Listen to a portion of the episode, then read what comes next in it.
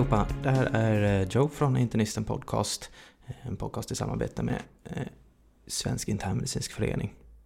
Och jag hoppas att ni har kunnat lyssna på det första avsnittet med Magnus Ekström och tack igen till Magnus för att du ville vara med i vårt första avsnitt. Och vi har spännande avsnitt på gång med bland annat om Pokus och om IMA med väldigt bra gäster som vi kommer att spela in till novembers avsnitt. Men nu i oktober så har det ju skett en stor företeelse inom internmedicinen och det är ju att det har varit simveckan. Eh, och jag var där på plats på simveckan och lyssnade på de olika föreläsningarna. Och eh, som ett andra avsnitt av Internisten Podcast så tänkte jag att för er som inte kunde vara där och säkert grämer er för, för det och kanske sitter hemma med en del FOMO, alltså fear of missing out, så eh, tog jag med mig mikrofoner till simveckan och eh, frågade föreläsarna om huvudbudskapen med sina föreläsningar. Så här kan ni få kortfattat eh, på en 2-5 minuter var de viktigaste huvudbudskapen från nästan varje föreläsning. Eh, och eh, många små fakta sånt där man brukar kalla för clinical pearls i sådana här amerikanska poddar Eh, som ni kan ta med er trots att ni inte var eh, på simveckan. Så jag hoppas att eh, ni får ut eh, eh, någonting av att lyssna på huvudbudskapen från alla de fina föreläsningarna på simveckan. Och eh, det ska tilläggas här att eh, de här föreläsarna tillfrågades eh, precis efter varje föreläsning och mig som sprang fram med en, en mikrofon. Så jag vill verkligen tacka alla föreläsare trots bristen på förberedelsetid att de kunde leverera sådana här bra sammanfattningar av eh, sin föreläsning. Ja, nu har jag pratat länge nog. Eh, vi börjar med eh, första föreläsningen på simveckan som hölls av Katarina Fager. Lyssna och njut.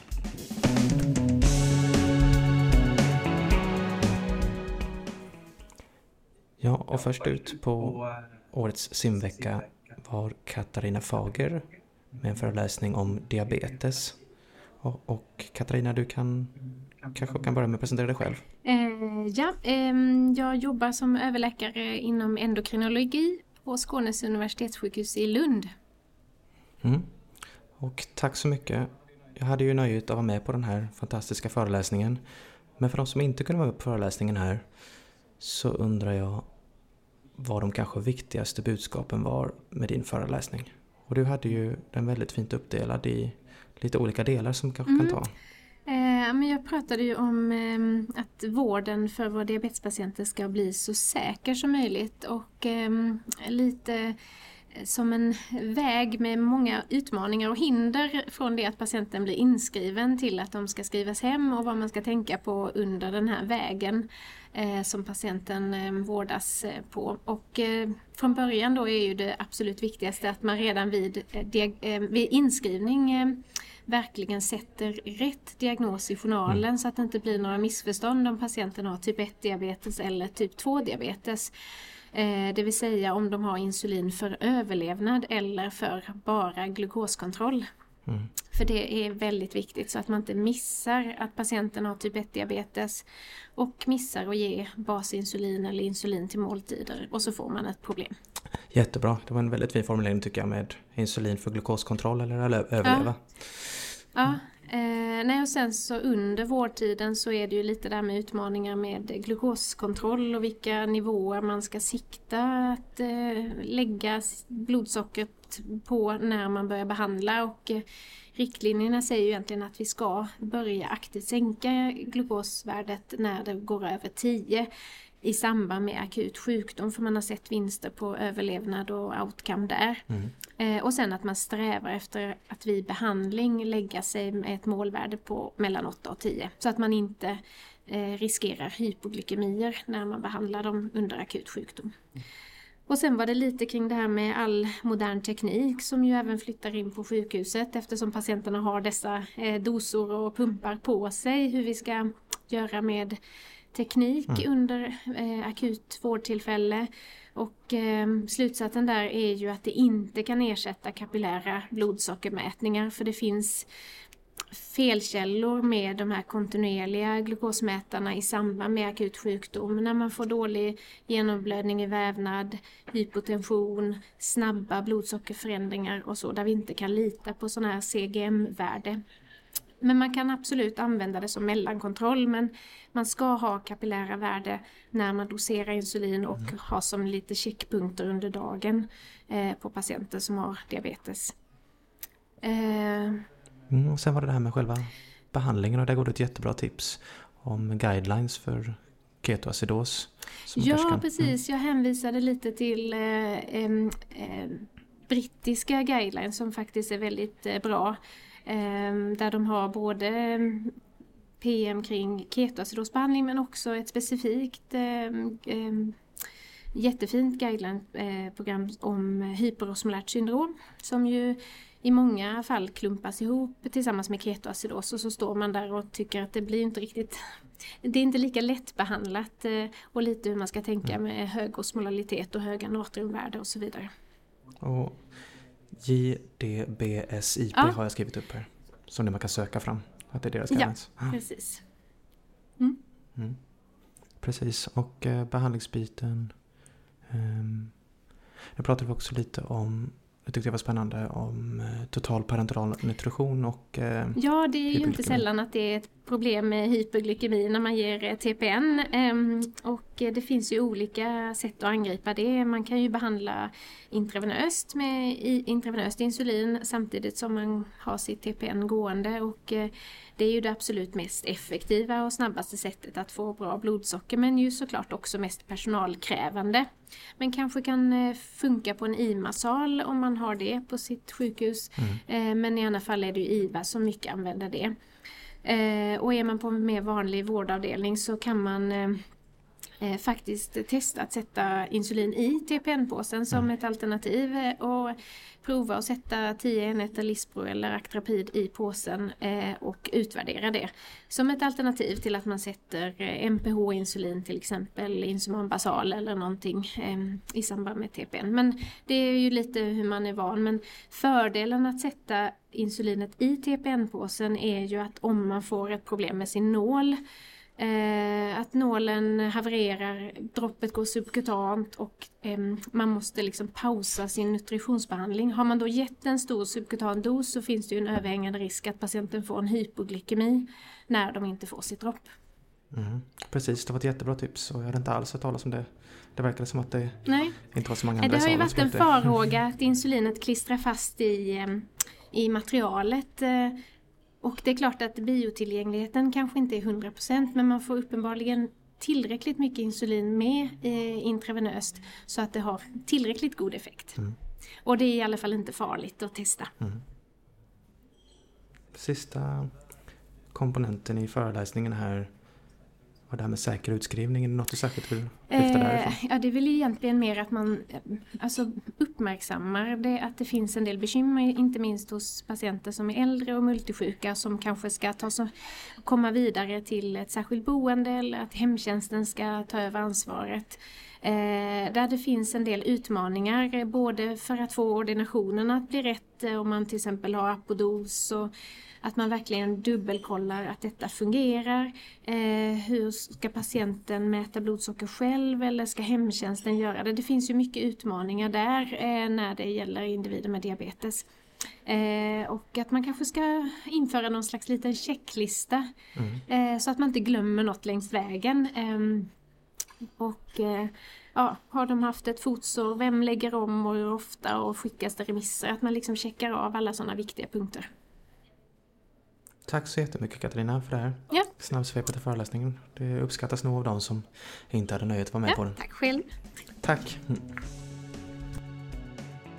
Ja, och efter Katarina så var det dags för infektionsläkarinvasion där Lars Hagberg pratade om de stora framgångarna med hiv sen dess uppkomst och eh, Daniel Bremell testade våra kunskaper med flera fall. Eh, bland annat tog Daniel upp den förhållandevis utbredda ciprofloxacinresistensen hos E. coli-bakterier i Göteborg, cirka 15-20% och han uppmanade därför till eftertanke innan man polikliniskt behandlar svårare urinvägsinfektioner med ciprofloxacin. kanske cefalosporin istället då eh, empiriskt innan resistensmönster. Men jag fick i alla fall tag här i Magnus Gisslén som pratade om covid-19 och som var en i infektionsläkartrion som föreläste under andra sessionen på dag ett. Andra föreläsningspasset så hade vi med oss ett eh, axplock av eh, infektionsmedicinare. Eh, däribland eh, Magnus Gisslén som jag har med mig här vid mikrofonen. Eh, tack så mycket för, eh, för din föreläsning och den handlade ju om covid. Precis.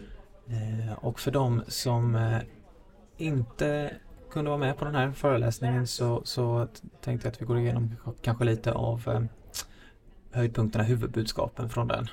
Eh, och då började jag prata lite om eh, själva pandemiresponsen nu. eh. Precis, och hur pandemin påverkade vilka grupper och även hur det påverkade eh, svenska, i Sverige egentligen, hur intensivvården och hur många som dog och så vidare. Mm. Och det är klart, den här pandemin är ju speciell på det sättet. Dels är det en väldigt stor pandemi förstås som har drabbat eh, väldigt många länder och väldigt många människor. Eh, det som, om man nu ska säga någonting som är positivt då, det är ju att det just de som är de som har avlidit är inte positivt, men jämfört med alternativet så är det ändå de som är allra äldst. Det är där den stora dödligheten har varit. Till, till skillnad från, från eh, influensan i början av 1900-talet där ju det var unga vuxna framförallt som dog. Mm. Eh, Men samtidigt så har det ju en väldigt stor dödlighet i världen och det är många som har drabbats. Eh, Det som hände sen som gjorde att vi hade ju de här stora topparna med både en ökning av antalet fall och sen också utav antalet som behövde intensivvård och antalet som dog. I den tredje vågen i början på 2021 så var ju dödligheten däremot väldigt mycket lägre tack vare att man började vaccinera de gamla och de sköra i första hand. Just det. Eh, fortfarande var det många som behövde intensivvård men då var den gruppen som ju framförallt handlar om en stor del män som var över 50 år och med en del riskfaktorer ännu inte vaccinerade. Mm. Mm. Mm. Eh, sen den allra största toppen kom med nya fall kom ju då i början på årsskiftet 21-22 Mm. när omikron kom med väldigt, väldigt många nya fall. Mm. Men som tur var så hade vi en välvaccinerad befolkning och då många färre som blev allvarligt sjuka och dog utav covid. Mm, mm, mm. Mm, Precis, och det var eh, bra att du poängterade det också att det var en stor, en stor upp- uppgift att få, få, få ut alla de här vaccinerna. Så det är imponerande. Verkligen. Mm. Och Sverige har ju också lyckats väldigt bra. Den strategin var ju oerhört framgångsrik. Mm, mm. Om man jämför med andra länder, vissa andra länder, och jag visade också en bild från Hongkong som ju i början på 2022 hade en stor topp utav omikron och där väldigt många blev svårt sjuka och många dog för att man hade en dåligt vaccinerad äldre befolkning. Mm, mm. Eh, som också visar att omikron inte är någon ofarlig variant utan det handlar om att, att den är ganska lindrig i en vaccinerad immun befolkning. Mm, mm, mm. Eh, precis, och sen hade vi en vä- väldigt intressant eh, allmänbildande del där i mitten om, om, om, värddjurskapet och eh, fladdermusen som vanlig värd. Precis. Och fladdermusen är ju väldigt speciell. Det enda däggdjuret som kan flyga och har en, då en väldigt speciell metabolism som också har gjort eh, som en bieffekt att eh, immunförsvaret har ändrats. Vilket har varit en fördel för fladdermusen för att den då kan leva väldigt länge, den håller sig frisk länge. Och när det gäller smittämnen så reagerar den inte på samma sätt på virusinfektioner. Eh, därför är den värd, så att säga, en, en, en naturlig värd för till exempel många coronavirus. En hel del andra virus också som den blir infekterad med men inte blir sjuk av. Och detta är ju då grogrunden för sådana här zoonoser, att det kan spridas till en mellanvärld som vi ännu inte vet riktigt säkert vilken det är när det gäller covid-19 och så sen vidare till människa. Mm. Det jag också tog upp som är av intresse det är ju att SARS-CoV-2 kan ju infektera många olika djur. Eh, både däggdjur och en del andra djur.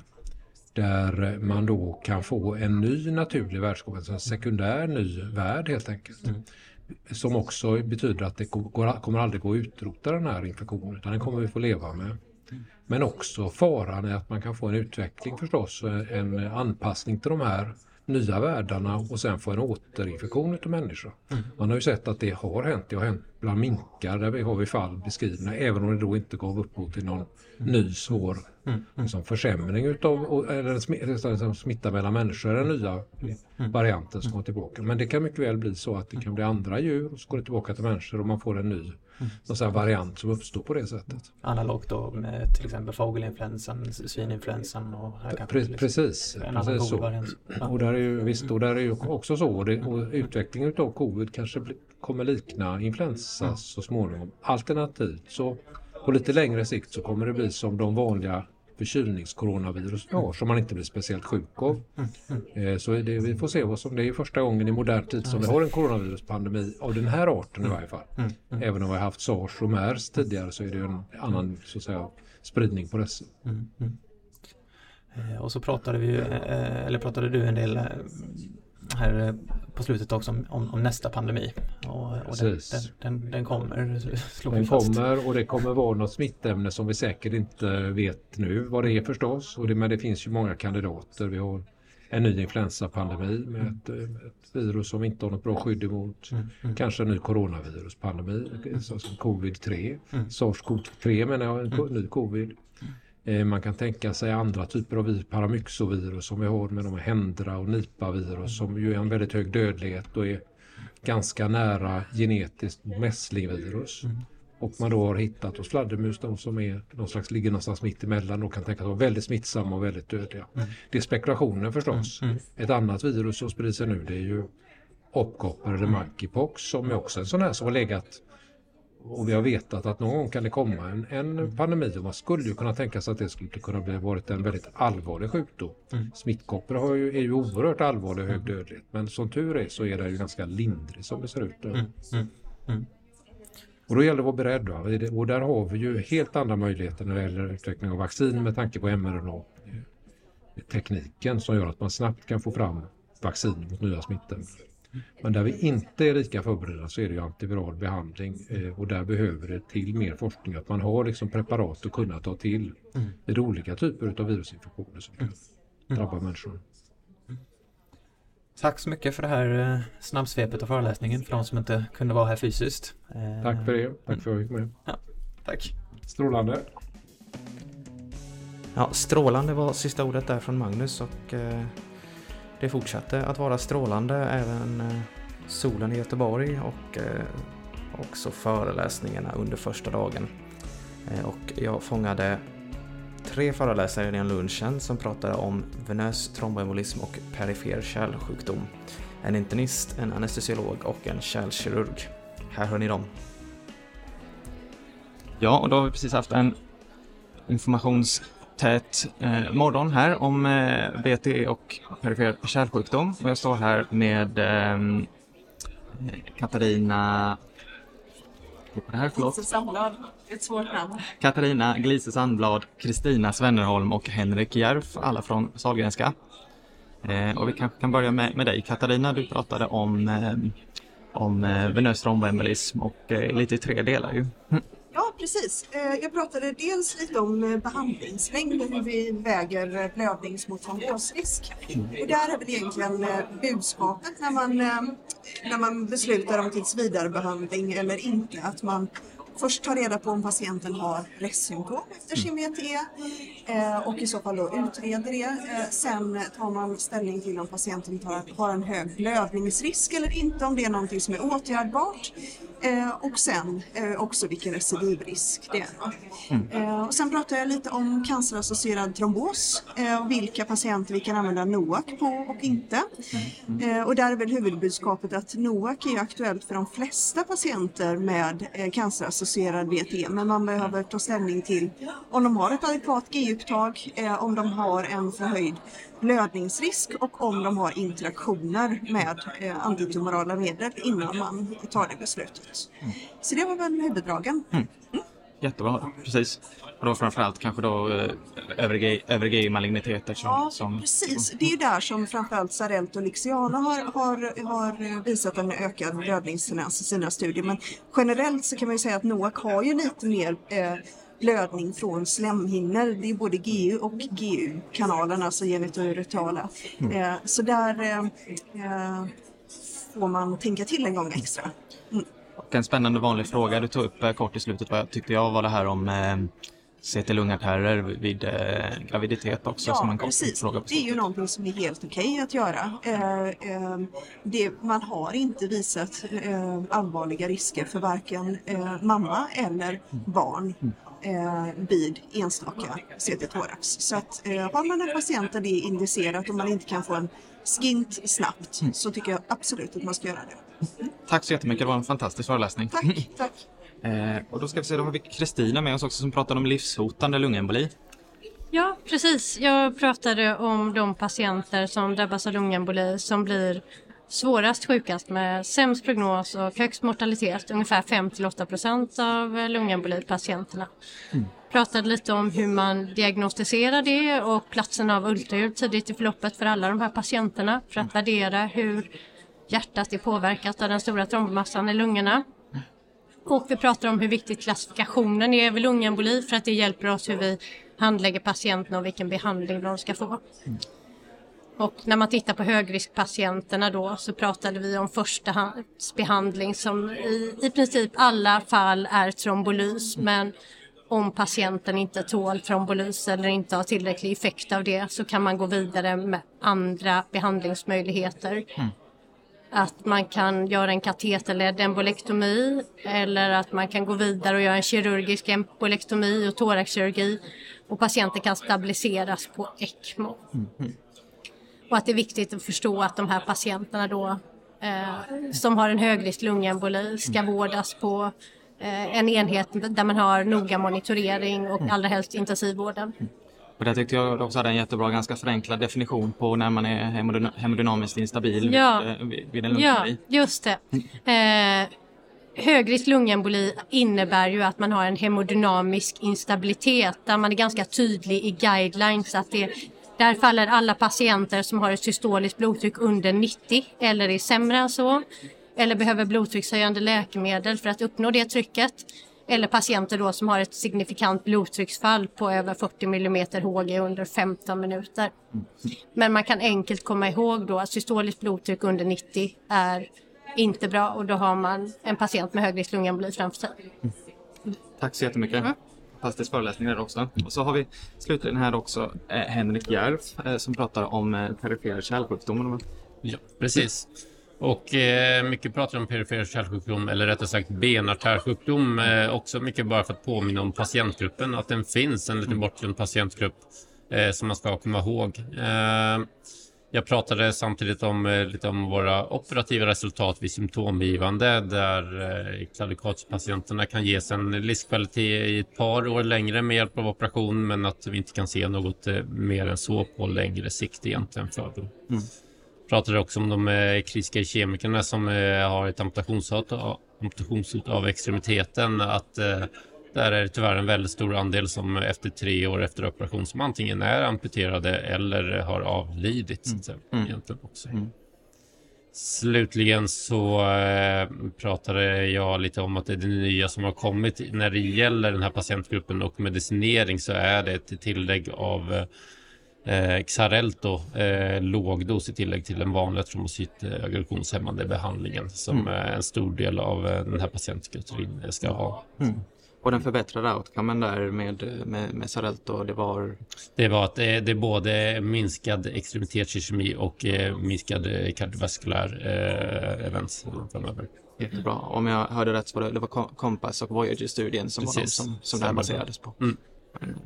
Mm. Jättebra. Och så det var alla, alla kritiska... Alla kritiska kemiker och de allra flesta patienter med klaudikatio i mitten. Ja, tillägg med Mm. Xarelto då.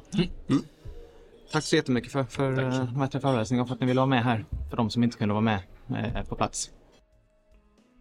Ja, det var mycket nytt och spännande där och en ny patientgrupp då som är aktuell för lågdos Rivaroxaban som kom med på slutet där med Henrik. Innan lunch så tog vi ett eh, djupdyk i hematologin. Ja, och precis innan lunch här på andra dagen så fick vi en eh, rejäl genomgång av eh, hematologin för, eh, för internmedicinaren.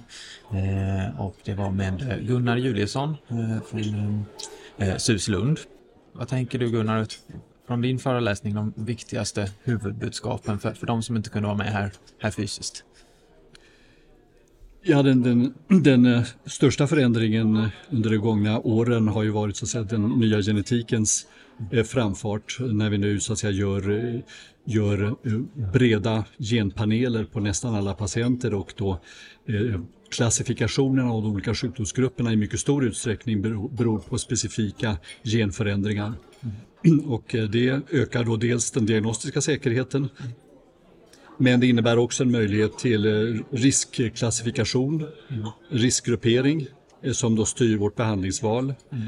Eh, det finns vissa genetiska förändringar som ger en, eh, som ger en, eh, en specifik behandling, att det finns så att säga, då målinriktade behandlingar som då riktar sig mot speciella genuttryck. Mm. Och det är också så att eh, högkänslig genetisk metodik används för att då värdera terapiresultatet. Mm där då kvarvarande eh, eh, uttryck av en, eh, en sjukdomsspecifik gen motiverar fortsatt behandling medan då avsaknad av detta kan innebära att man kan växla in på ett lugnare spår. Mm. Detta har en väldigt stor betydelse i, i många sammanhang. Mm. Ytterligare en sak som jag inte hann riktigt prata om var den, de nya immunologiska behandlingarna eh, där vi exempelvis har det vi kallar för CAR-T, Chimeric Antigen Receptor T-cells, där man då med genmanipulation eh, aktiverar eh, eh, eh patientens egna T-celler till att bli, bli eh, mördarceller för, för specifika eh, antigen som tumören har. Och detta är, är etablerad behandling vid eh, lymfomsjukdomar men det kommer nu också vid myelomsjukdomen så att det mm. finns myelomspecifika antigen som, mm. som kan riktas med detta. Mm. En annan variant är att eh, är att man har anti, antikroppar som då riktar sig mot flera mål. Mm. Så man kan använda dem för att rikta sig dels mot en tumörcell och dels mot en immunologisk eh, försvarscell. Mm. Exempelvis en, en T-cell med anti, antigenet CD3. Mm.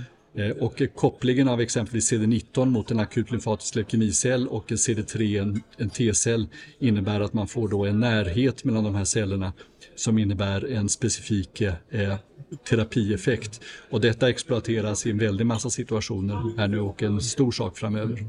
Det låter som att hematologin verkligen tagit ett steg in i precisions, precisionsmedicinen och eh, starkt liksom individualiserad behandling då ju. Ja, vi tänker, vi, vi tänker i de här banorna väldigt mycket. Sen så kan man säga att det är ju inte eh, det är inte alla framsteg som är lika stora som tyrosinkinasna vid kronisk myeloisk leukemi som är fortfarande är så att säga mm. stjärnskottet i, i, i förbättring för patientkvaliteten. Mm. Sen tyckte jag det var spännande att eh, du tog upp också eh, idag en, eh, en, en helt ny eh, diagnos. Ja, eh, Vexas som är en förkortning som står för som är då patienter med olika typer av inflammatoriska tillstånd och också associerade till hematologisk malignitet. Så att det kan vara patienter som går odiagnostiserade på grund av, av spridda inflammatoriska problem och visar sig nu sen eh, att eh, de har en specifik mutation i en, i en gen som heter UBA1. Mm. Eh, och eh, eh, det här, vi tror att det här är en ganska vanlig patientsituation för kopplingen mellan då eh, hematologiska sjukdomar och inflammation den har varit ganska stark och vi har egentligen bara behandlat dem med kortison och mm. inte gjort så mycket mer och nu finns det möjlighet att det här är då en specifik entitet som kanske kan behandlas på ett särskilt sätt. Mm. Då fanns det en nylig genomgång av, av, av Exas då i, i Läkartidningen. Just det, ja. så att Karolinska eh, redovisar eh, sina patienter då och vi har flera hos oss också så vi tror att det här är ett ganska vanligt tillstånd när man väl börjar leta efter det. Mm.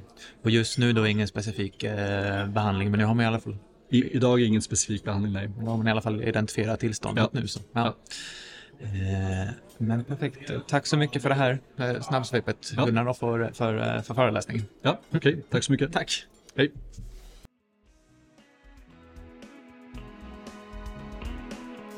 Ja, vi kör vidare här. Eh, efter hematologin gick vi över till diagnostikens dunkla värld och Eric Driver som till vardags jobbar som akutläkare på Skånes universitetssjukhus i Lund Och Eric pratade om våra diagnostiska tankeprocesser, om Bayes teorem och om sannolikhetsbedömningar. Ja, och då står jag här med eh, Eric Driver som höll eh, föreläsning eh, på uppdrag av oss i Young Internists och pratade om diagnostiska misstag och tankefällor och hur man, hur man tänker. Ja, jag var jätteglad att bli inbjuden av Veronica för att kunna, kunna prata om det. Jag tycker det är ett väldigt spännande och viktigt ämne diagnostiska misstag och diagnostiskt resonemang är detta som jag föreläste om. Mm. Det som jag inte hann prata om är, är beslutsfattande. Och de två ämnena är, är förstås väldigt tätt kopplade mm. Mm. med varandra. Och du pratade mycket om, om, om sannolikhetsbedömning eh, för oss som är centralt när man ska komma fram till en diagnos. Och då pratade du om, om Bayes teorem. Om man kort kan förklara för de som inte var här vad, vad, vad Bayes teorem innebär. Ja, Bayes teorem är, är väsentligt för, för sjukvård. Mm. Och till och med det är väsentligt för hur vi, hur vi uh, uppfattar verkligheten och hur vi bedömer vad, vad vi ska tro i den här era med massor med desinformation på internet och konspirationsteori. Uh, börjar vi när vi hör ett påstående att tänka hur sannolikt är detta överhuvudtaget baserat på vad vi förstår av verkligheten. Så till exempel om vi hör att Demokraterna håller på att uh, suga vätska från uh, binjurarna av uh, barn som man har kidnapperat och uh, låst, låst upp uh, under pizzerierna. Alltså, vi, de flesta av oss tycker att detta låter väldigt osannolikt. Mm. Detta är då början av en sannolikhetsbedömning. Mm. Så hur sannolikt är detta till exempel en en 25-årig kvinna har tempor temporärt arterit. Mm. Litteraturen skulle säga att det är väldigt, väldigt osannolikt. Detta är en sjukdom som drabbar folk efter 50 års ålder. Mm. Så detta är startpunkt. Eh, och kanske den viktigaste delen av Bayes teorem. Sen nästa delen av Bayes teorem är att man, man då gör olika prov för att försöka att påverkar sannolikheten att få den att gå upp och ner och det är då att man hamnar med en reviderad sannolikhetsbedömning. Och eh, kanske det viktigaste budskap här är det finns vissa undersökningar som har väldigt lite värde. Mm. Eh, anamnes till exempel är tyvärr Vissa specifika frågor har tyvärr väldigt lite diagnostiskt värde från det vi kan hitta i litteraturen men det är troligen en kombination av massor med olika frågor som hjälper till. Mm, mm. Och som gör att anamnes kan bli väldigt stark. Mm. Och sen en sista sak som inte ingår i BS-teorin är då att det vi gör när vi träffar en patient, vi gör på ett omedvetet sätt alltid en sannolikhetsbedömning för flera olika diagnoser samtidigt. Mm. Kanske undantaget skulle vara en patient som kommer med svullet underbyggnad, där man undrar, där man tänker att ah, detta är det enda sak som det kan vara en djupintrombos och, och sannolikheten för det emot djupintrombos. Men men oftast om patienten kommer, kommer med bröstsmärta eller bukspärta eller hudvärk bedömer vi flera olika sannolikheter samtidigt. Och vi gör det på ett omedvetet sätt. Mm. Mm.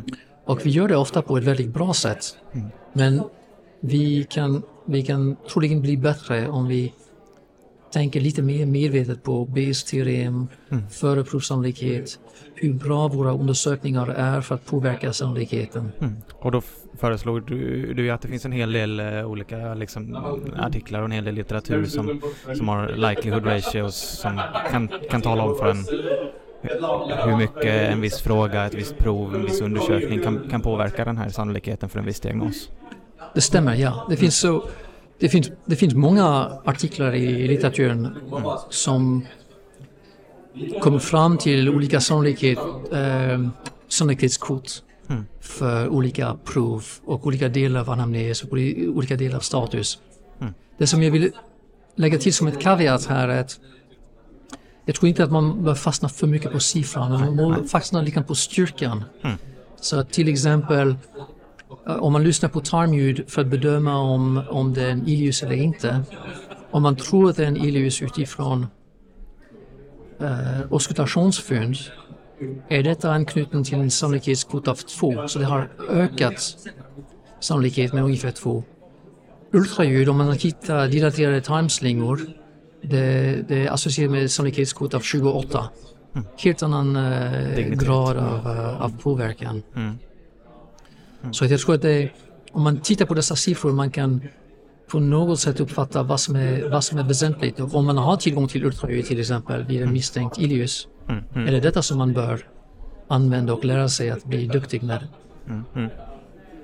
Bra, så pr pratar du lite om de olika tankesystemen, den, det, eh, snabba system 1 och långsamma system 2 introducerade du också. Ja. Så det, analogin som, som eh, jag har kommit upp med är Kirk and Spock från Star Trek. Kirk är väldigt intuitivt och han är nästan alltid rätt. Och han symboliserar väldigt fint system 1 som är intuitivt, tar hänsyn till, till sammanhang, känner igen ett mönster, men är på något sätt omedveten om hur mycket eller hur lite information Mm. den, här, eh, den här bedömningen är baserad på. Däremot Spak är betydligt mer analytisk, men han är också väldigt jobbigt. Och det är svårt att använda system 2. Eh, särskilt när man är trött och särskilt när det är klockan fyra på morgonen. Så att jag tror att vi bör hitta något, något system där vi kan både använda system 1 och system 2 på ett, på ett lämpligt sätt. Och förslaget är då att man har en checklista för informationsinhämtning. Detta blir grunden för att Spark och Kirk kan faktiskt agera och det förebygger kanske att man inhämtar alldeles för lite information för att kunna fatta ett bra beslut eftersom system 1 kommer att skrika sitt beslut eh, utan att vara medveten om hur lite information man har. Så en checklista för, för basal information som man, man bör sträva att inhämta baserat på patientens problem.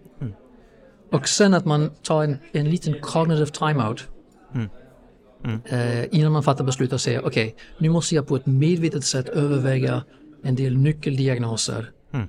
Vad som talar för eller emot. Vilka av dem är mer sannolikt. Och sen därefter kommer beslutsfattande. Man måste då tänka kan patienten åka hem? Ska patienten läggas in? Ska man beställa olika utredningar? Ska man redan börja behandla? Vad är, vad är risk-nytta för patienten med olika handläggningsstrategier? Och detta är väldigt, ofta väldigt komplext och väldigt svårt. Mm, mm. Och då eh, finns det ju checklistor eh, på, på Lucems hemsida, lucem.info. Det är L-U-C-E-M, visst är det så? Det stämmer, ja. Så det är, lucem är ljus på latin. Så det är en del av tanken här att man, man illuminerar eh, det här murky, eh, dunkelt område som är då sannolikhetsbedömning och osäkerhet och försöka att hitta någon sorts väg genom, genom det hela. Så det är lucem.info och då finns en del information om olika saker men om man, om man tittar på fliken checklista då kommer man hitta de här eh, problem eller symptomdrivna checklistor för olika saker som hyponatremi och anemi och huvudvärk. Det är utgångspunkten och sen då vilken nyckelinformation man ska inhämta och vilka nyckeldiagnoser man bör överväga. Och jag, jag har använt eh, dem själv väldigt mycket, de här checklistorna. Jag tror jag hade en gammal variant från 2016. Jag hade missat att de var eh, uppdaterade nu 2022 så jag får, eh, jag får, får, får lära mig de där checklistorna igen, den nya vari- varianten. Det har inte ändrats särskilt mycket men det uppdaterades för två dagar sedan inför den här föreläsningen. Purfärskt. Tack så jättemycket för föreläsningen Erik och eh, tack för det här eh, snabb, snabbsvepet. med föreläsningen. Tack Josef och tack eh, Young Internal Medicine eh, att jag fick vara med. Ja, och se till att leta upp de där checklistorna för jag tycker att det står mycket bra information. Och eh, även om vi tänker på hur vi tänker så kan det ju bli fel ändå. Även för bakhoran. Och det, det pratade eh, två Umeåläkare om sist på tisdagen. Eh, ja, och då är vi, eh, då sitter jag här precis efter sista föreläsningen för dag två. Eh, och det handlade om, om misstag och dels vilka misstag man kan göra och eh, hur man hanterar misstag. Och det var med Mårten Werner och eh, Cecilia Fall från Umeå. Eh, Vad hade ni för huvudbudskap eh, som ni vill att det ska nå ut? huvudbudskapet eh, som jag ville förmedla är att eh, hur väl man än vill och hur väl man än gör så kommer det ibland bli fel och, och att eh, ibland så dör människor och även den största och tryggaste och säkraste av överläkarna kan ibland på nätterna fundera på om de gjorde rätt eller fel. Mm. Och Cecilia, precis huvudbudskapet med, med din del av, av, av föreläsningen? Ja, mitt huvudbudskap det är att eh, när det händer så mår de allra flesta dåligt. Mm. Man reagerar och det är helt mänskligt och naturligt att reagera. Men det är väldigt viktigt att eh, man tar hand om sig och söker upp någon och pratar med. Eh, och det var det som också visade sig i de studier som finns på det här att det viktigaste, det absolut viktigaste skyddsnätverket man har det är just att prata med chefer eller medarbetare. Och det är så viktigt att göra det för att det inte går älta eller att det här ska liksom få leva kvar igen utan uh, man ska kunna lägga, sig tillbaka, lägga det här bakom sig och, och gå vidare. Mm. Och du slår ju också ett slag där för, för att uppmärksamma organisatoriska fel också med hjälp av eh, avvikelsesystemen mm. lokalt också. Det är så oerhört många gånger det är misstag eh, som görs på grund av organisatoriska fel. Mm. Eh, och eh, det måste vi alla hjälpas åt att lyfta att eh, det här måste finnas en, eh, en, process för det här i de olika regionerna så man fångar upp det. Mm. Mm. Eh, för man är jätte jättebra på att skriva om nya medicinska PM och, och se mm. till att ja, men där ska vi sätta en utbildning för den här gruppen av läkare. Men det är lika viktigt, och faktiskt ännu viktigare tror jag, att se, se över det som finns i organisationen. Mm. Till exempel antalet vårdplatser. Mm, mm. Exakt. Precis, som att man ska identifiera och, och försöka ordna upp organisatoriska fel eh, och när fel har skett att man ser till att ha ett bra stödnätverk då. Och du uppmanar också lite till att prata om, om, om, om fel och misstag i, i större utsträckning. Absolut, absolut. Att, att, eh, man behöver väl inte säga att idag har jag gjort de här felen utan det handlar om att, att lära sig. Man kan ju faktiskt vinkla, men vet du vad? Mm jag hade en patient och så mm. gjorde jag så här och så hände det och så. Då blir det en helt annan approach. Mm, mm. Och det här lärde jag mig. Mm, mm, mm. Och sen, vi hamnar ju, som läkare hamnar vi i en ganska svår sits. Nu när alla har vårdplatsbrist så höjs ju ribban för att lägga in någon. Där vi tidigare hade expektansvapnet och ligga 12 timmar och se om det blev någonting. Det har vi inte råd med idag för vi har inga vårdplatser. Och det mm. Så trycket på läkarna är ju högre därför idag. Mm. Och det är ju ett klart organisatoriskt fel mm. eller problem. Tack så jättemycket för att ni lyfte de här jätteviktiga mm. sakerna. Eh, hoppas att de där ute och eh, som inte var här idag också kan bli inspirerade till att Kanske, kanske prata mer om, om, eh, om, eh, om, om, om fel och misstag. Prata mer om de, de organisatoriska skälen och, eh, och lyfta det hemma på sina kliniker. Mm. Stort tack för föreläsningen. Mm, tack. Ja, och man ska ju komma ihåg också att simveckan är skådeplats för en del prisutdelning. Och jag fångade författaren till årets bästa vetenskapliga arbete på ST-nivå. Då sitter jag här med eh, Aranka Reinemann eh, från eh, Länssjukhuset i Kalmar. Hej hej. ST-läkare i Kalmar. Det stämmer. Ja, precis. Mm. Och Aranka mottog pris från, från Sim och Young Interns nu för sitt vetenskapliga arbete som jag tänkte att du skulle få berätta om för de som inte hade nöjet att vara här och lyssna på din presentation. Ja, det var, jag blev jätteglad. En stor ära att ha fått det priset. Eh, eh, arbetet handlade om den akuta behandlingen vid ischemisk stroke. Och det som inspirerade det hela det var att eh, i Kalmar så gör vi ju inte trombektomi. Utan trombektomipatienterna skickar vi till Linköping. Mm. Och eh, vi skickar dem i ambulans eftersom vi inte har ett helikoptersystem. Mm. Det tar tre timmar. Det är ju lång tid. Mm. Eh, och hade vi haft en helikopter så sägs det, det är uträknat att det skulle gå ungefär 90 minuter snabbare. Mm. Så det hade jag funderat på mycket, att eh, undrar om det här förändrar utfallet för våra eh, trombektomikandidater som vi har. Mm. Eh, det var inget som jag kunde bygga ett arbete kring med de resurser som jag hade. Men eh, det jag gjorde var att eh, ja, men jag utformade en litteraturstudie mm. som behandlade de olika behandlingarna som vi ger vid akut stroke, kemisk stroke. Mm. Eh, och det handlade om att, eh, ja, vad heter det, att utreda kunskapsläget kring trombolys, trombektomi, trombocythämmare och sen även insättning av antikoagulantia när indikation finns mm. efter genomgången i kemisk stroke. Mm. Och en fas var ju på timing. Mm. Eh, vilka tidsfaser de här behandlingarna är effektiva. Mm. Eh, ja, jag läste ett antal artiklar. Mm, det är ju stor frågeställning. ja, men precis. Det var en väldigt bred frågeställning, det var ett ganska långt arbete. eh, ja, nej men och egentligen i bakhuvudet så hade jag hela tiden de här trombektomipatienterna då.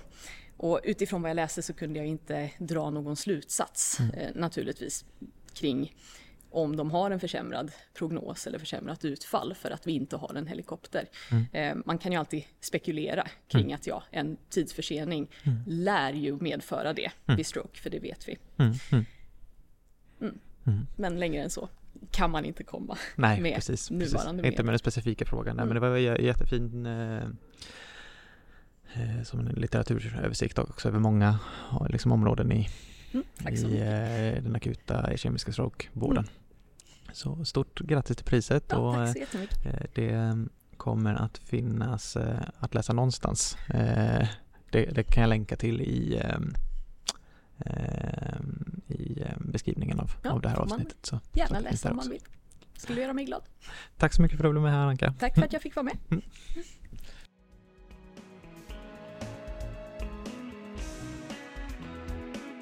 Ja, och eh, den här länken till Arankas arbete och även till Jessica Svefors vetenskapliga arbete eh, som också fick pris under veckan eh, är jag på jakt efter. Jag kan lägga till att Jessica är ST-läkare på Södersjukhuset och hennes arbete var en review om bakteriell koinfektion vid covid-19. Jag ska leta upp länk till båda de här artiklarna och lägga till dem i avsnittsbeskrivningen i efterhand. Eh, dagen därpå så började vi med patientsäkerhet och eh, det det också ur ett psykiatriskt perspektiv. Först ut på eh, dag tre hade vi patientsäkerhet på schemat med Per-Olof Hansson och Johan Sandelin som hade lite olika aspekter där. Vi kan börja, Per-Olof du pratade en hel del om över och underbehandling. Ja, jag försökte dra lite exempel på saker och det är mm. klart att det, man kan göra för mycket, man kan göra för lite och det gäller att göra rätt och det är inte alltid så lätt. Mm. Men eh, mitt budskap är egentligen så här att alla, alla gör fel och det är viktigt att vi har klart för oss att vi gör fel. Mm. Och jag tror att alla har också håller med om att det görs mycket fel i vården. Men vi är väldigt bra på att hitta fel som andra gör. Mm. Och det vi pratar om patientsäkerhetskultur som är ett begrepp handlar mycket om att identifiera våra egna, mina fel, min avdelning, min enhets fel och fokusera på vad kan vi göra bättre. Mm. Om alla tänker så att vad kan jag göra bättre mm. så blir det bättre. Mm. Eh, och att man ska ha ett öppet klimat och man ska kunna prata och man ska liksom inte utan att skuldbelägga eller skämmas och ha en eh, prata om det. Så det är väl egentligen det budskapet jag försöker mm. förmedla.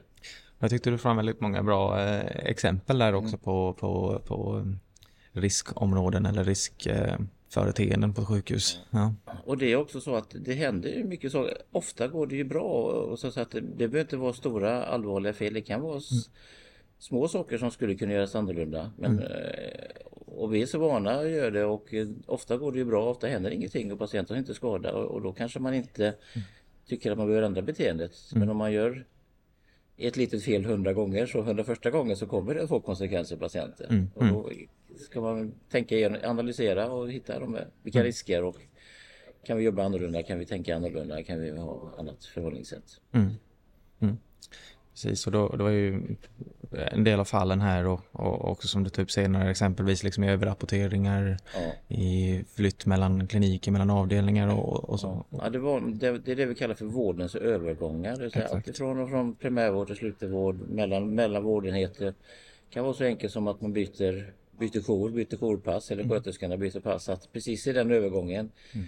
Då gäller det att hålla sig frisk och inte bli akut dålig för då, Mm. då kommer inte rapporteringen kanske inte fungerar eller precis då är, är man inte riktigt lika på alert och hittar för att Ska man söka akut så ska man inte söka kvart i åtta när en trött jour vill hem utan man ska söka kvart över när det kommer en ny fräsch, Mm. utvilad och pigg Mm. Och det där kanske vi ska vara extra uppmärksamma också. Ja, och, det är det. och då är man medveten om det så kanske man inte är, då kanske man fortfarande är alert kvart i åtta. Man vet att nu är det en risksituation och nu är jag kanske inte riktigt lika alert. Mm. Men bara man har själv har den medvetenheten så, så blir man mindre farlig och Mm. säkrare Mm. jobba. Mm. Och eh, eh, Johan, du kom in här med det, det psykiatriska eh, perspektivet och, och, och pratar en del om våra tvångs, tvångslagar. Har du för, för huvudbudskap som du vill förmedla? Jag försöker kondensera Ja, vad, vad, vad, jag egentligen försökt säga. Ja. Nej, men sammanfattningen är väl på något sätt kanske att det som vi är lite ovana vid och, och inte minst när det tangerar juridik så tänker vi någonstans att vi letar efter de, de verkliga svaren. Att, Mm. att, att det finns ett på förhand givet svar. Och mitt huvudbudskap är väl någonstans att det här ofta är komplexa situationer och, och, och komplexa frågor finns det aldrig enkla svar. Mm. Mm. Det kanske var Mm. huvudbudskapet. Mm. Eh, det var jätte, jättebra, jättefina fall eh, tyckte jag som nog inte är så, är så ovanliga. Och eh, precis komplexiteten tryckte du på. Och precis, det är kanske svårt att ha, ha något svepande, eh, alltid göra så här, alltid göra på ett sätt. Det Ja. finns ju en del yttre ramar i vissa situationer så är det Mm. ganska givet vad Mm. vi får och vad vi inte får göra. Ja, ja. Men, men det är också viktigt att, att inom, inom även det juridiska så, så finns det tolkningsutrymme. Mm. Och det är viktigt att inte bara, du, du sa att jag pratade tvångsvårdslagar och det det egentligen är tvångsvårdslagar. Det vill säga det finns Mm. en aspekt på detta som handlar om tvånget och det finns en aspekt på detta som handlar om, om vården. Mm. Mm. Och, och ytterst så handlar det om att ge oss förutsättningar att, att bedriva sjukvård Mm. för individer för vilka vi annars kanske inte skulle kunna göra det om vi inte hade möjligheten att i viss omfattning Mm. tillgripa tvång. Mm. Eh, Och, och då, då, då handlar det både om, om de mer formella rättssäkerhetsaspekterna kring att vi gör rätt utifrån hur, hur vi läser lagen, men i någon mån också att vi gör rätt utifrån vad som är syftet med Mm. lagen, det vill säga fördelarna i det. Mm. Precis, och syftet är alltså att personen i fråga ska kunna medverka till frivillig vård. så Precis, Ja, precis. Mm. Sen det var inte huvudpunkten i föreläsningen, jag kommer tyckte det var bra också att du, att du påminde om, om, om, om skyldigheten till LVM-anmälan här på slutet också. För det kanske är någonting man, man lätt glömmer bort. Ja, det är väl lätt att förbise det, inte minst i de akuta flödena. Mm. Men Mm. jag tänker att vi träffar oerhört mycket personer där det kan vara, eller det kan finnas skäl att faktiskt ha det i åtanke. Mm. Mm. Eh, Då har vi precis som läkaren skyldighet eh, påminner de här också. Precis. Mm. Jag kan också tipsa om att Socialstyrelsen har gett ut en liten skrift. Mm. Nu, jag tror den kom ut i somras. Mm. Men jag skickar med länk där i bilderna. Så att det, det Jättebra. finns eh, där, där man kan få en del vägledning. Något mer huvud, huvudbudskap ni känner att ni vill förmedla till de som inte kunde, kunde vara här och lyssna fysiskt? Att de ska komma nästa gång. Ja, det håller jag med om. det, det håller jag med om. Tack så jättemycket för att du ville vara med här och tack Ja, för jätteroligt att få föreläsningen.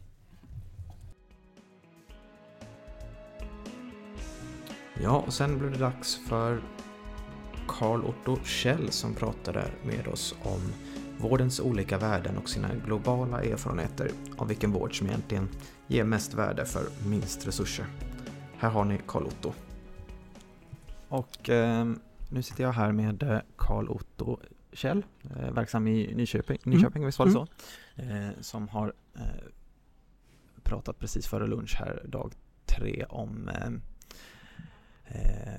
de enkla, smarta åtgärderna i, eh, i sjukvården och, och, hur, man ska, hur man ska lyckas välja dem. Och precis eh, innan jag började prata med Carlotta så såg jag motiveringen till årets kemipris, Nobelpriset som handlar om att inte krångla till det så mycket och istället utgå ifrån det lätta och enkla. Och även om man väljer en enkel väg kan man bygga avancerade och användbara molekyler. Så kanske det är med sjukvård också. Ja, det tror jag. Mm. Nej, det var väldigt roligt att få komma hit och prata med eh, SIM eh, som jag brinner för. Eh, och de budskapen som jag eh, ville föra fram är att vi måste göra prioriteringar i sjukvården och om vi ska prioritera eh, därför att resurserna är aldrig tillräckliga och det kommer mer möjlighet, medicinska möjligheter medan resurserna inte växer till lika snabbt och folk är utbrända. Men när vi, då måste vi veta vad vi ska prioritera och vård har olika värde för patienten och kostar olika mycket och vi ska prioritera vård som har högt värde och låg kostnad och rangera ut sånt av lågt värde och hög kostnad. Mm, mm. Jag tyckte det var väldigt bra att du hade no, no, några korta exempel där på, på um, vad man kan göra i, i internmedicinen som, som, som, som är enkelt och mm. uh, har högt värde. Mm. Ehm, ja, precis. Alltså, några enkla exempel som är kanske underutnyttjade. Ehm, det rör sig ju om mitt forskningsområde förstås av att se att patienter är väldigt eh, sjuka och ge den absolut mest tidskritiska behandlingen som är enkel till exempel att sätta en hypoxispatient upp och ge syrgas eller att lägga en medvetslös patient på sidan. Mm. Och där har jag haft mitt forskningsområde både i Sverige och, och även globalt eh, och är eh, engagerad i att försöka få en förändring, vilket har med någonting som vi kallar för essentiell vård av kritisk sjukvård eller EECC. Mm.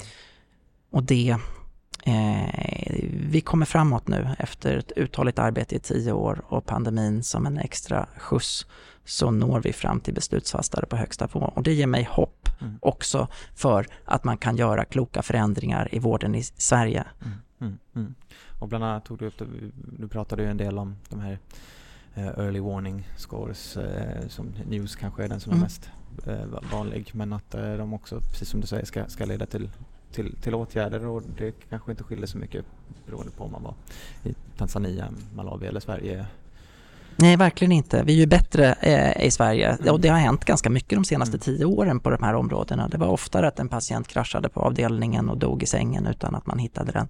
Eh, men den stod, just vad gäller de sakerna så finns det ju en enorm impact globalt där det här nästan inte görs. Mm. Och de som pratar om svårt sjuka patienter gärna pratar om respiratorer och eh, bygga snygga intensivvårdsavdelningar eh, snarare än att förbättra den basala behandlingen som är liksom baset för det här mm. huset. Mm. Mm. Så det är kanske är någonting man ska ha med sig då när, när, när de här newsvärdena stiger att eh, det finns basala enkla saker som man, man kan göra och ska göra.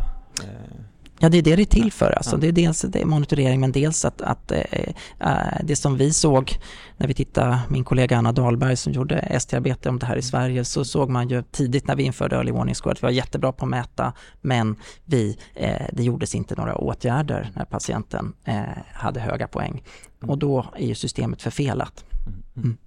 Tyckte det var väldigt intressant också, på tal om de här news-skalorna och eh, vitalparametrar, att du föreslog ju också här en, en, en till vitalparameter. Mm.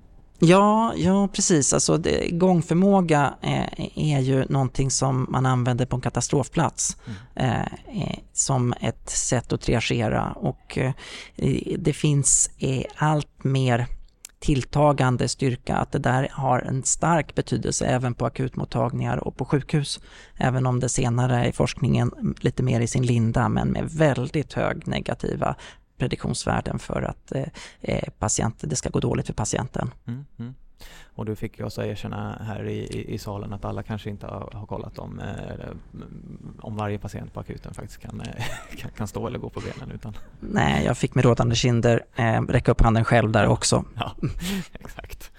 Eh. Men den här kunskapen motiverar mig högre i att faktiskt eh, ta reda på den saken därför att det har, innehåller värdefull information för mig om jag kan skriva hem patienten eller, eller gå hem från akutmottagningen.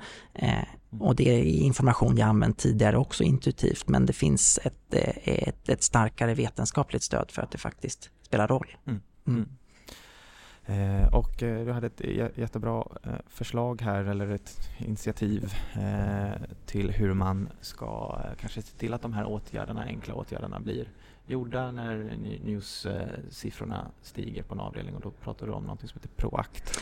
Ja, Proact är ju om jag, rätt, jag har förstått det rätt, jag vet det här men har glömt det. Det är en stiftelse tror jag som ägs utav regionerna mm. tillsammans och som ordnar då utbildningar, lite liknande HLR, men innan patienten har ett cirkulationstillstånd. Mm. Eh, och det här är då för eh, att utnyttja hela teamet från undersköterskan till läkare mm. eh, och att man ska kunna just eh, eh, snabbt komma på plats och sätta en kantarell hos någon som har en hotande ofri luftväg mm. Eh, och se när det behövs. Och, och, då finns det en grundutbildning och så repetitionsutbildningar. Och, och min hypotes är att det där eh, kan göra en större skillnad än en, en ren och skär HLR-utbildning därför de här patienterna har bättre prognos och klarar sig. Mm, mm. Så det kanske är någonting man kan, man kan fråga om eh, eh på mm. sin arbetsplats om, mm. om, om Proact. Är det ja. någonting mer som du, du hade några fina uppmaningar eh, till oss här på slutet om, om vad vi skulle ta med oss till, till hemkliniken och hur, nu redan på på, på måndag i det kliniska arbetet? Men jag tänker att, att alltså en, en viktig fråga, det här var, jag försökte spinna ganska tråd så att det finns en massa små enkla kliniska tips, men det finns också en systemfråga som är en elefant i rummet, att vi, vi kan mycket mer medicinskt för varje år eh, och resurserna i sjukvården ökar, men vi håller inte ikapp och, och vi som jobbar eh, eh, eh, orkar inte med och vi har uppsägningar och, och det finns liksom en, en silver bullet i allt det här och det är att vi driva på för att prioritera efter värde, rangera ut det som inte har högt värde, eh, vilket gör plats för oss att orka arbeta, vilket gör jobbet mer meningsfullt och mm. eh, vilket ger mer eh, bang för de skattemedel som kommer in. Mm. Och för att driva de sakerna, då tror jag att vi behöver organisera oss. Mm. Vi läkare, vi har makt, vi har kunskap, vi ser de här sakerna, men vi är eh, har eh, hittills för lite organisation i de här frågorna, det vill säga i det kaos som finns i beslutsfattande så når rösten inte fram. Mm. Och där måste vi också vara uthålliga över åren. Mm. Precis, så jag tror vi alla fick med oss ett, eh, att vi ska prioritera, mm. eh, fundera på prioriteringar, mm. Eh, tänka på vad som, som du säger, har högt värde och enkelt prioritera det framför saker som kanske har lägre värde. Och, mm.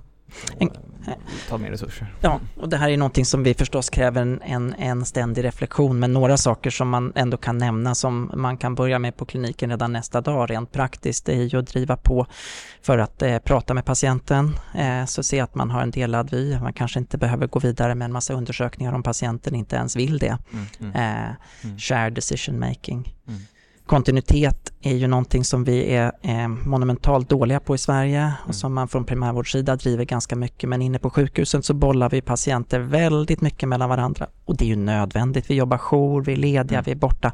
Men all und, alltså om det finns en aktiv strävan som är seriös på att det ska vara kontinuitet om det inte är omöjligt, mm. då kommer det göra en jätteskillnad på att vi faktiskt eh, får mindre uppgifter och kan göra bättre kvalitet i det mm. istället för att sätta sig in i nya saker hela tiden. Mm, det är ett jättebra exempel ju. Eh, bra och eh, då, precis i slutet här pratar vi också om att det finns grupper som Kloka kliniska val mm. eh, i Sverige också som arbetar med de här frågorna Ja, och då, jag vill slå ett slag för det och eh, specialistföreningar som SIM till exempel. Mm. Eh, men, men att det, min spaning är att vi behöver, vi behöver organisera oss mm. för att eh, driva utveckling i vården mot sätt så att vi, vi gör smarta saker och det inte blir prioriteringar efter den som är rik eller prioriteringar efter den som skriker högst. Mm. För det är alternativen. Tack så jättemycket. Det var en fantastisk föreläsning och tack för att du ville vara med i det här snabbsvepet för de som inte kunde vara här fysiskt. Tack. Mm. Hej då. Okej, och där har vi nått eh, en timme av huvudbudskap från simveckan med sista orden där från Karl Otto Kjell. Eh, och jag har valt att dela upp det här avsnittet i två olika delar så har ni tyckt att det var bra hittills så är det bara att fortsätta lyssna på del två av det här snabbsvepet. Kanske inte ursnabbt men eh, tycker ändå det haglar ganska tätt med viktig info och nyheter från sin veckans föreläsare. Häng med till del två. Hej så länge!